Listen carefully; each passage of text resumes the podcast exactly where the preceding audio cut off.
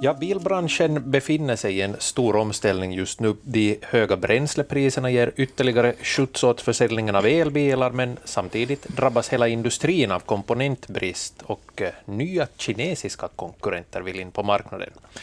Vart är bilen på väg? Det frågas i slaget efter tolv idag.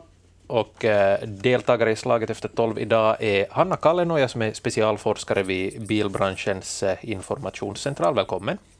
Välkommen. Tack, tack så mycket. Eh, Johan Sandnes som är VD för bilfirman Konalin Cars i Jakobstad. Välkommen. Tack. Och Marcus Engström, chefredaktör för svenska biltidningen Teknikens Värld. Välkommen. Ja, tack så mycket. Jag heter Filip Sten. Ja, eh, bilmarknaden i Finland befinner sig i ett ganska speciellt läge just nu. Eh, under årets fyra första månader registrerades bara drygt 28 000 nya bilar i Finland och det här är en nedgång med nästan en fjärdedel jämfört med eh, samma period förra året. Hanna Kallenoja, vad säger de här siffrorna? Jo, de, de siffrorna är ju, har, har nu varit väldigt låga under, under året och också på förra året. Och marknaden är, är mycket begränsad just nu i utbudet. Det här är ganska ovanligt. Trolig, vanligen marknaden är begränsad i efterfrågan, men nu, nu har vi långa leveranstider som, som är på, på grund av komponentbristen och nu också, också ja, krigs, krigssituationen i Ukraina har förvärrat situationen. Och numera vi har ungefär två gånger så många bilar i, i beställnings beställd, beställda bilar som vi inte har kunnat leverera jämfört med normala vårdtiden. Så det, det kan man säga att, att vi, vi har en ganska ovanliga tider nu på gång. Så man kan alltså säga att eh, försäljningen nog går, men, men det, där, det, det finns ingenting att leverera? Just det, eller, eller längre tid, långa tider att, att leverera det som har, har beställts. Precis. Johan Sannes, eh, då det inte kommer ut tillräckligt med nya bilar på marknaden, hur märks det på begagnat marknaden? Du jobbar mest med begagnade bilar. Nå, vi har ju nog sett en sån ovanlig situation den senaste tiden att kanske priserna är lite på väg uppåt, speciellt på vissa typer av bilar. Att det här, mm. normalt är ju att bilens värde sjunker, men, men så, så är det inte alls för tillfället. Bilen kan plötsligt vara en bra investering? Jag trodde jag aldrig skulle säga, men så ser det nog ut att vara för tillfället. Vad är det, för, vad är det då för bilar som är...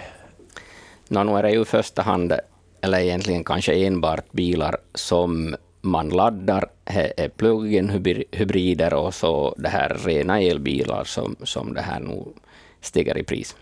Precis.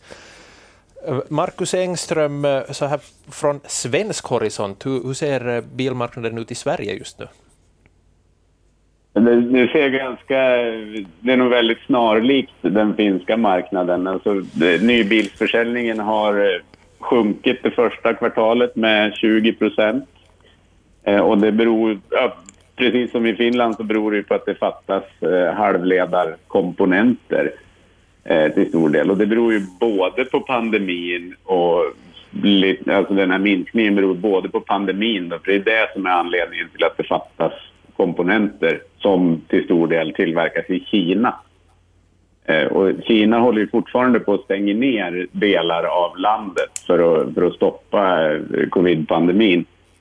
Eh, och det, det drabbar ju, de, de stänger ju totalt och det, då får man inte gå ut ens och då kan man inte heller tillverka de här komponenterna som behövs och därför så finns det ju inga bilar att sälja. Eh, helt enkelt. Så det, det, ser precis likadant ut som i Finland fast i lite större skala till och med.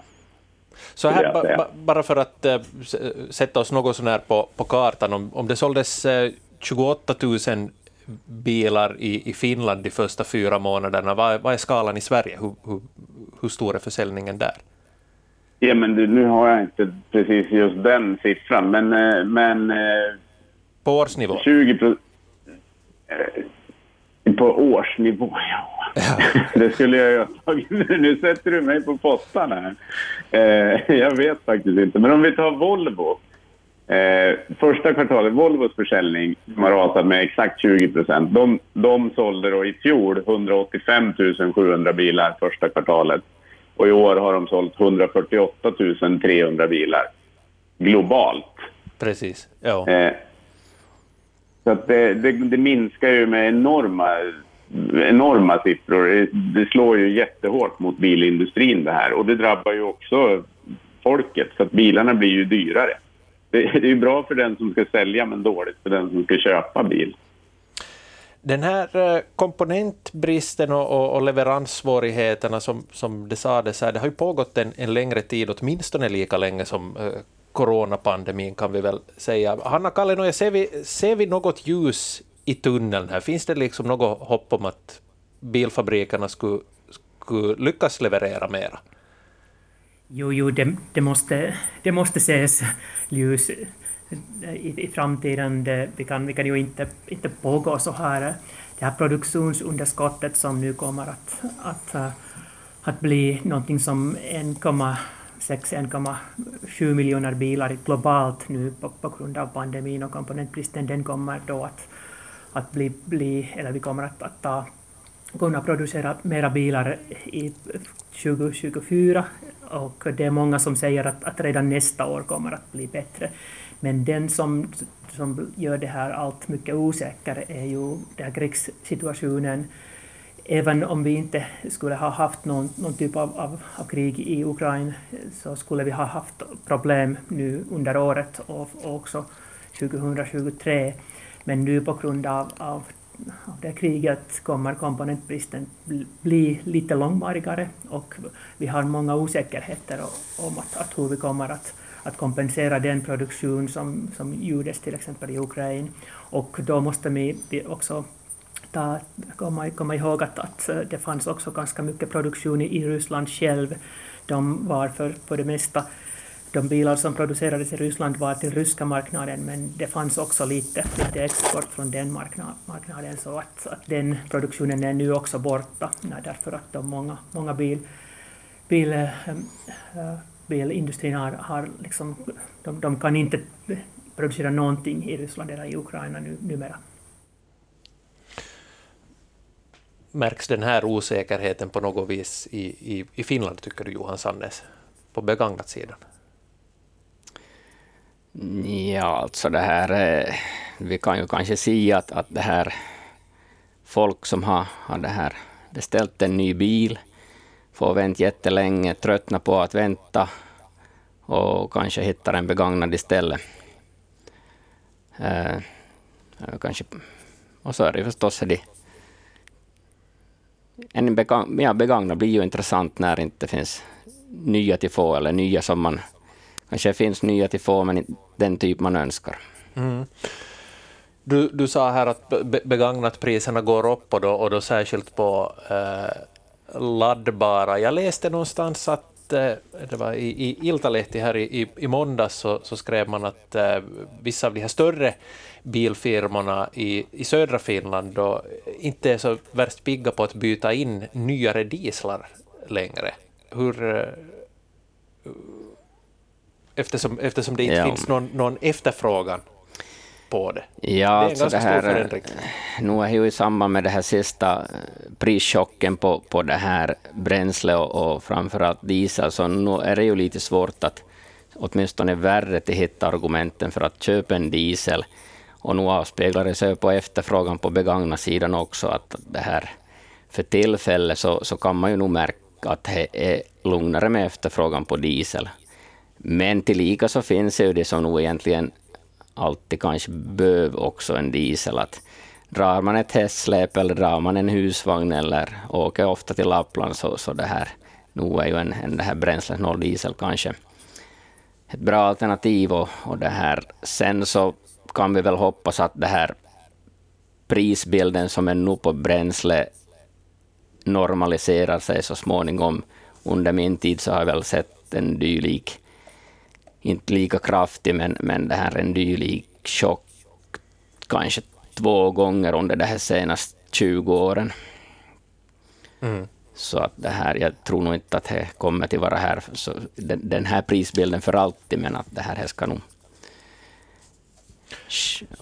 Ja. Marcus Engström, i, i Sverige har bränslepriserna inte stigit riktigt lika kraftigt som eh, i Finland, men äh, märker man av en, en, en, ska vi säga, en, en liknande trend där, att, att äh, fossilbilar så att säga, blir mindre populära? Ja, det, det gör det. Alltså, om man tittar på prisstatistik från, från Blocket, som ju är vår största eh, största begagnat försäljningssajt så har priset på en begagnad elbil eh, egentligen oavsett vilken från 2012 till 2021 har ökat med, med 77 procent.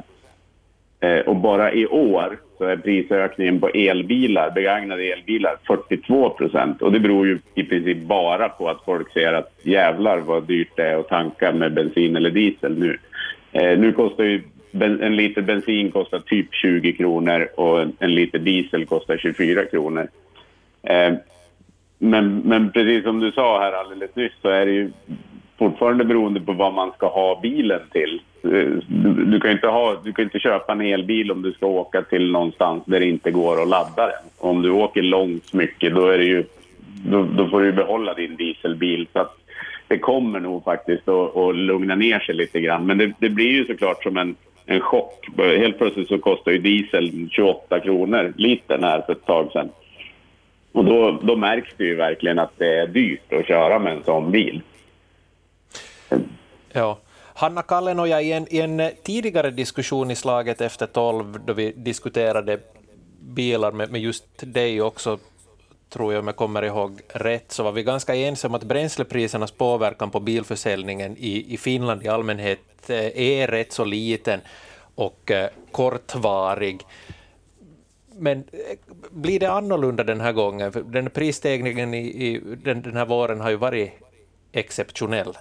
Och ja, märker man av något förändrat beteende? Jo, det kan man ju, ju säga att, att den här mycket höga, ovanligt höga priser har, har säkert eh, ökat intresse för laddbara bilar, det kan man, det kan man se. Och just det som Johan nämnde, att dieseln brukar vara billigare än bensin, därför att det finns mycket lägre skatt där, och det skulle vara någonting som 20-30 cent per, per liter billigare på grund av lägre skatt, men nu är det inte, inte det, därför att eh, särskilt de här världsmarknadspriserna av dieselbränslen har, har stigit ganska kraftigt, så den kommer nog att, att påverka eh, särskilt det, hur man väljer eh, drivmedel på, på nya bilen. Och uh, särskilt de som, som vill köpa eller kan köpa en, en ny bil, de, de tänker mycket noggrant vad de ska välja därför att det, de, de är ganska många är oroliga om, om kanske det här eftermarknadspris, om, om de vill byta då bil efter två, tre år, så de vill vara säkra att, att de har haft ett förnuftigt val i, i det här drivmedelsval. Men då å andra sidan kan man säga att vi har ju 750 000 dieselbilar i bilparken, nästan en, en tredjedel av, av våra personbilar är, är dieselbilar. Och, och försäljningen har varit ganska stabil under de senaste åren. Och jag kollade då några av de, de nyaste statistik av, av bytesbilmarknaden och i januari och april bytte cirka 12 procent av dessa 50 000 dieselbilar ägare via bilhandlare. Och det är, eh, är ungefär den, den samma kvoten som, som var förra året och, och, året tidigare. Så det tycks vara ganska stabilt och det är just det som, som också Markus och Johan nämnde att, att man måste, om man, om man behöver en dieselbil, om, om dieselbil är det bästa valet, så, så då det, det, det spelar inte så stor roll vad, vad det här bränslet själv kostar. Och vi, vi antar också förstås att, att det här är kortvarigt, att, att, att priset är så, så ovanligt högt som det nu är. Men, men det här läget som vi har nu, alltså med att det, det helt enkelt råder brist på uh, nya bilar, förutom då att, att uh, begagnatpriserna stiger åtminstone på, på kort sikt, vilka konsekvenser får, kan, kan det här få? Vad säger du Johan Sandnes? Ja, alltså ja. det här, vad ska jag säga nu? Om det en, blir, det, blir det en icke-fungerande marknad så att säga? Ja, nu finns ju alltid bilar att köpa och jag, jag märker ju, jag har ju kunder som har följt med en viss typ av bil en längre tid och har konstaterat att nej, men det är nog dags att slå till nu, att så länge jag har följt med den här bilen till exempel så har den stigit 3000 euro i, i pris. Att, att det här, man kan kanske tänka sig att det kanske är skäl att hoppa på tåget, att det fort, äh, fortsätter att stiga. Det som jag tänkte också säga att ytterligare kanske späda på den här ökade efterfrågan på, på det här laddbara alternativ, så är ju att det har inte varit så riktigt klart för folk kanske att vad det riktigt kostar att köra en elbil. Men ju mer folk räknar igenom det här och eh, kanske pratar med bekanta med elbilar så, så inser man ju att det kostar ja, en bråkdel, är väl kanske fel att säga, men att kanske en femtedel är rätt att säga. Uh, som jag nog har tänkt det, så om man tänker sig att man kör 100 kilometer med en en, en, det här, en vanlig bränslesnål bil så kostar det nog ganska så nära 12 euro. Och det här en, med en elbil så, så, så motsvarande, om man nu laddar hemma med, så är ungefär kanske max 2 euro. Det ger ju en det här vinst per 100 kilometer så att säga på 10 euro och det här är ju 10 euro på, på 100 så är det 100 på 1000 och så är det 1000 på 10 000 så att det här och så har man ju en lägre skatt om man jämför med en dieselbil och, och det här, så får man ju se då med det här underhållskostnaden, men det tyder ju på att det är lägre på elbilar också. Så att. Hur länge vågar vi tro att skatten kommer att vara låg på elbilar? Ja, no, som jag ser på, eh, på något sätt så, så ska ju förstås beskattaren ha in sitt, men det här känns väl lite som att de sitter i en rävsax med elbilarna för att det här Dels så det här att höja den årliga skatten, så, så det här kan de ju inte riktigt göra till hur stor grad som helst, för då så köper kanske inte folk elbilar och de vill ju ha ut elbilar på marknaden med tanke på det här koldioxidsjakten.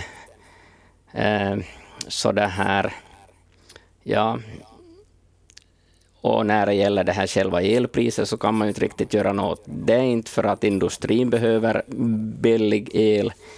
Hushållen vill ju gärna ha el, billig el, men framför allt industrin. Så att höja elpriset som på samma sätt som har kunnat höja bränslepriset genom åren, så här fungerar, fungerar ju inte riktigt. Så det här, ja, jag tror de har lite svårt att komma åt det. Kanske då att om de lägger en GPS på varje bil och man börjar betala per kilometer skulle kunna vara en lösning, ja, ja, som de ju har nämnt också.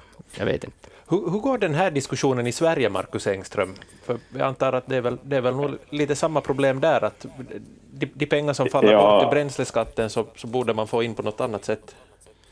Ja, den, är, den diskussionen är precis likadan. Det diskuteras alla möjliga sorters beskattning. För det, det, kan ju inte vara, det kan ju inte vara gratis eh, hela tiden eh, att köra bil. Och vi, vi har ju ganska kraftiga subventioner också vid inköp av, eh, av en, du får 70 000 kronor av staten, du får tillbaka 70 000 kronor av inköpspriset om du köper en elbil. Eh, och de pengarna tar ju slut, de är ju redan slut för i år och det, de tog slut i fjol också. Eh, och det där diskuteras väl hur länge ska man behöva subventionera köp av elbilar?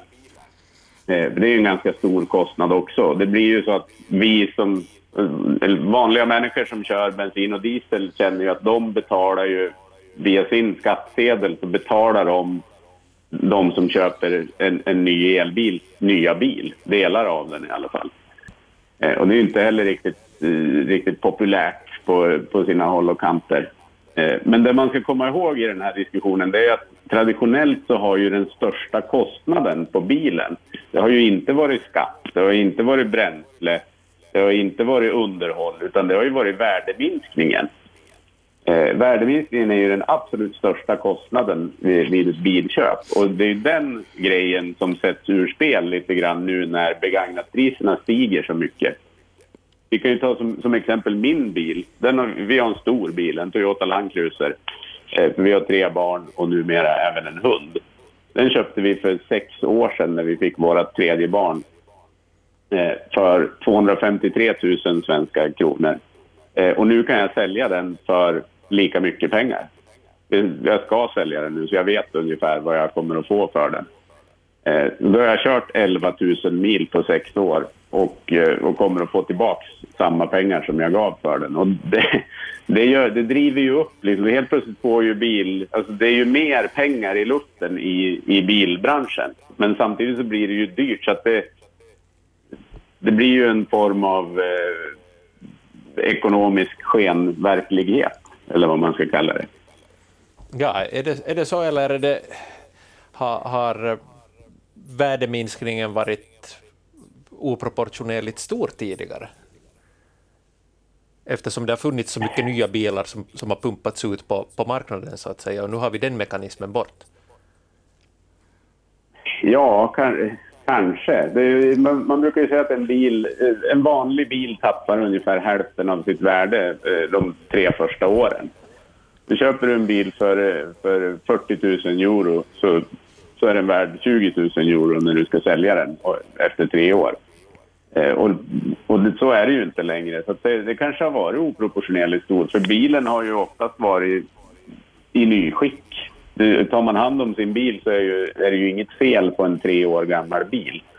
Eh, sen så vill man ju såklart för, för klimatets skull så vill man ju få in mer laddbara bilar och, och fler, få ut fler elbilar på vägarna.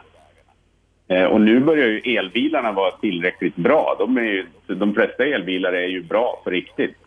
Men då är ju problematiken att det inte finns laddare överallt eh, där man kanske vill köra med sin bil.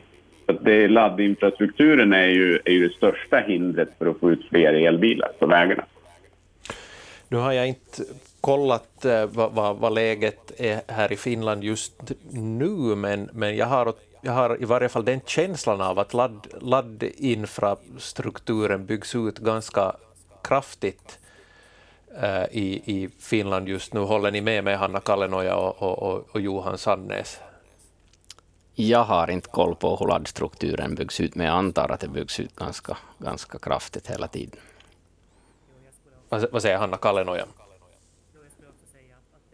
den byggs nu, det, även det här publikladdningsstruktur byggs, byggs nu ut ganska, ganska snabbt och, och det, den, den, har, den är just, inte, just nu den, den största hinder att, att, att köpa en, en elbil.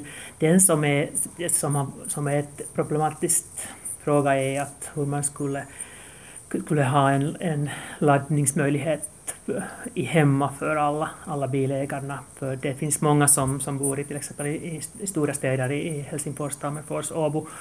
Och där har vi, vi stora husbolag som, har inte, som kan inte investera mycket snabbt för, för hemladdning. Och hemladdning är, är någonting som, som är faktiskt ett, ett krav för att, för att skaffa en, en ladd, laddbar bil.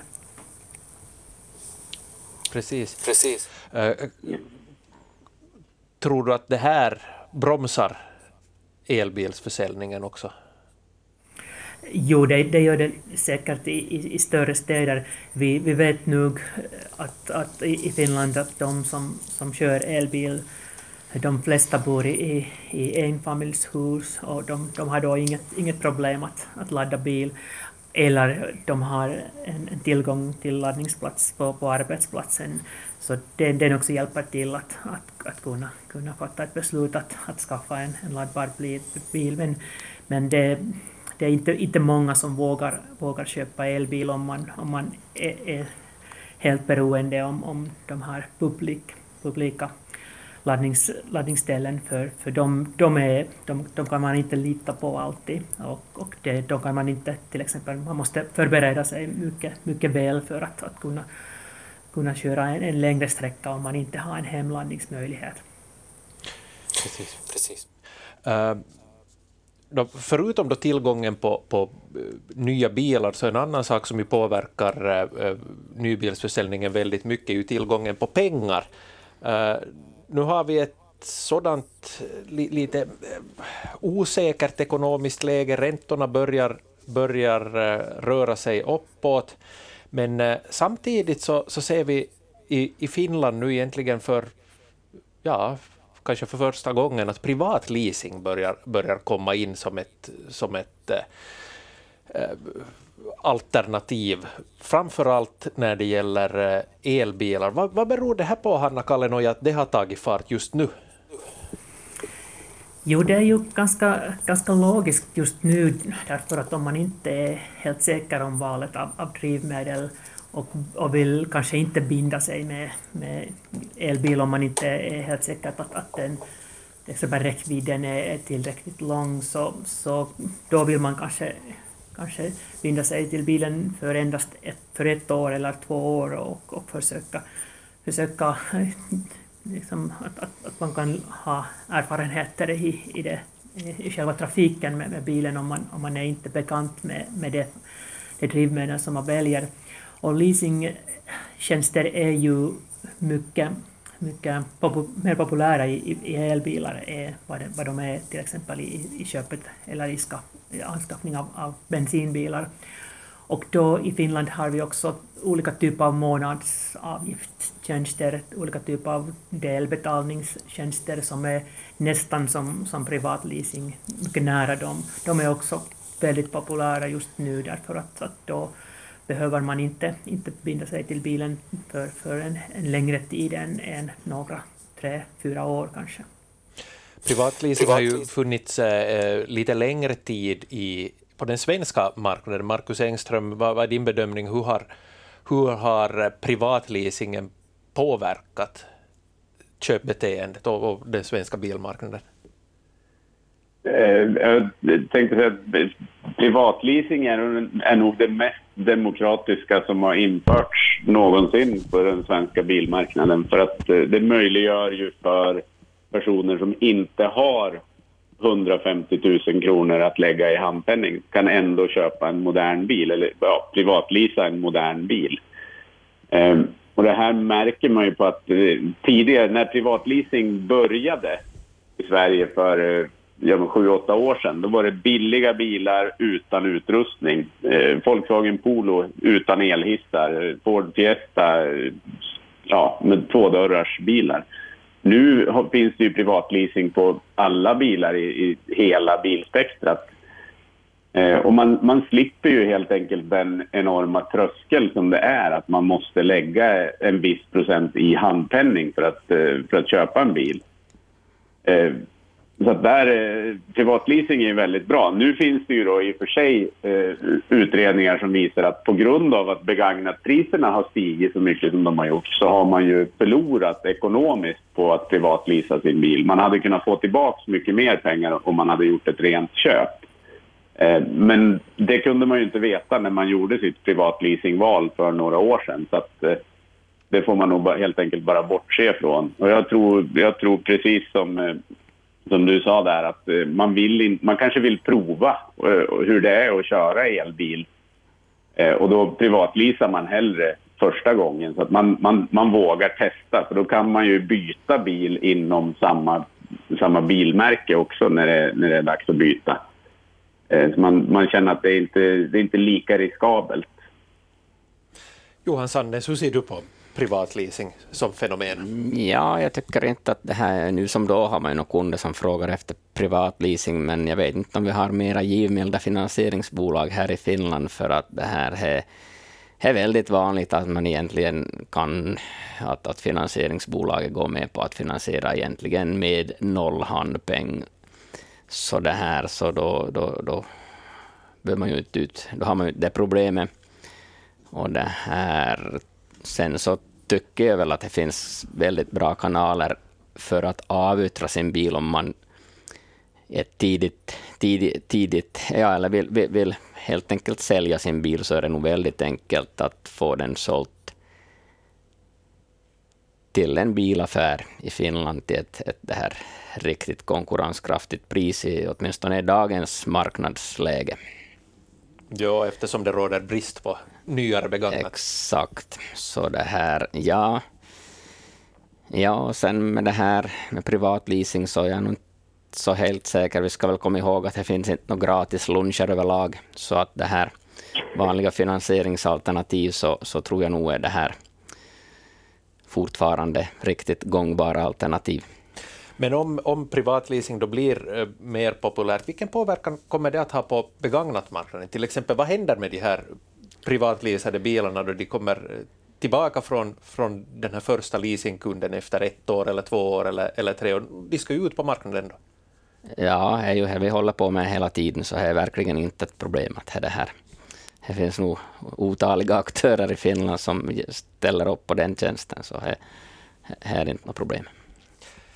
Precis. Uh, vi ska ännu här i, i slaget efter tolv hinna uh, diskutera nya aktörer på uh, bilmarknaderna. I flera europeiska länder så, så kommer nu de kinesiska biltillverkarna på bred front och just då ofta i form av elbilar som säljs med en låg månadskostnad som eh, privatleasade. Det gamla, gamla engelska märket MG som numera är kinesiskt har, har gått väldigt bra i Sverige. Sen kommer det eh, andra, andra märken också som Xpeng och eh, iWays. Alla de här är, är kinesiska eh, elbilar. Eh, vilken påverkan, eller hur har det här, i Sverige har det ju sålts en, en, en tid redan Marcus Engström, vilket avtryck har det gjort på svenska marknaden? Ja, MG, MG framförallt, det är de som eh, verkligen är inne på den, eh, på den svenska marknaden nu. De andra är, har precis börjat.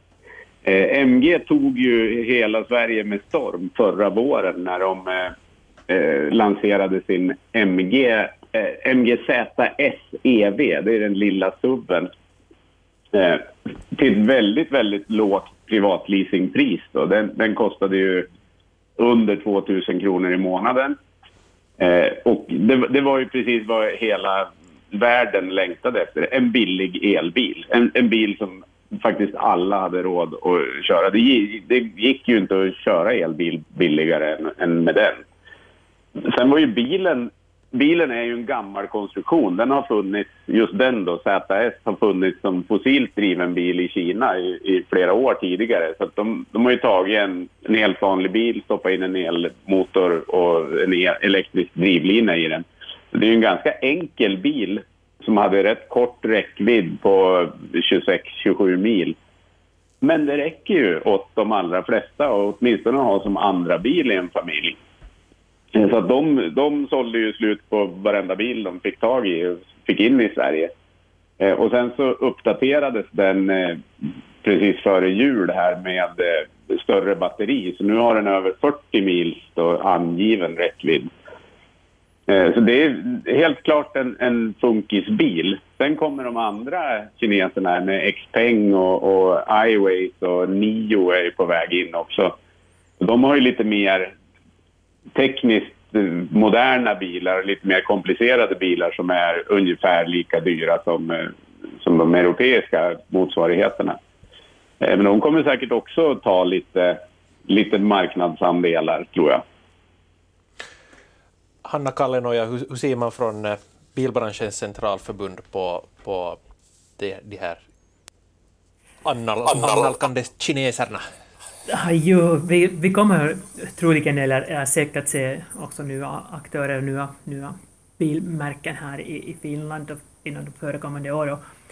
Och, och, Kina är ju en, en, en mycket stor biltillverkningsland. De har nästan 75 procent av, av produktionskapacitet av litiumbatterier i, i världen och Kina är mycket, mycket kraftig att investera i, i batteriproduktion och det är någonting som förstås europeiska tillverkarna är, är lite oroliga om och, och för, försöker att, att få, få sina produkter konkurrenskraftigt på marknaden och, och just som Markus berättade, det här mycket förmånliga finansieringsalternativ det är oftast ett sätt att, att ta marknad först och då förstås vill de, de också ha högre priser i framtiden för, för batterier. Är är, är dyra för alla biltillverkarna just, just nu och även i, i framtiden.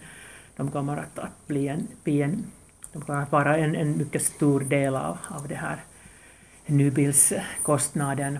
Och en, en fråga är ju att, att hur, man, hur vi skulle kunna öka produktionskapaciteten av, av batterier och, och kanske ha, ha det här råvarumarknaden lite mer demokratiskt så, så att, att Kina inte skulle dominera hela, hela råvarumarknader och värdekedjan av, av batterier.